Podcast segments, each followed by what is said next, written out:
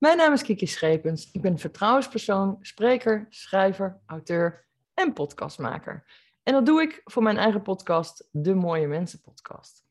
En nu is het zo dat er morgen een aflevering online komt die ontzettend aangrijpend is, schokkend is. Die komt niet alleen via alle podcastkanalen, maar ook via YouTube voor 18 jaar en ouder. Maar je hebt ook de mogelijkheid om dan echt te kiezen dat mensen eerst eventjes moeten verifiëren dat ze echt 18 jaar of ouder zijn.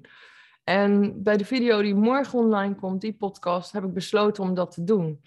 Maar alsjeblieft, kijk hem. Uh, neem even die moeite om jezelf te verifiëren. Want ja, het is zo'n bijzonder mooi mens. En zijn stem moet gehoord worden. Daarover morgen meer. Dat zie je vanzelf of dat luister je als je de podcast luistert. Uh, wat je ook kunt doen is abonneer je op mijn podcast, want dan ben je als eerste op de hoogte wanneer die online komt. Maar ik wilde dat toch even gezegd hebben.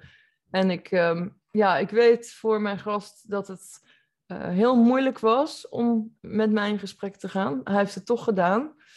En ik doe dit dus ook uit respect voor hem. Want ja, de beste man heeft ook een privéleven en kinderen. En toch wilde hij zijn verhaal doen. Ontzettend dapper. En uh, nou ja, ik weet om wie het gaat morgen online. De Mooie Mensen Podcast. Mooiemensenpodcast.nl en je bent altijd op de hoogte.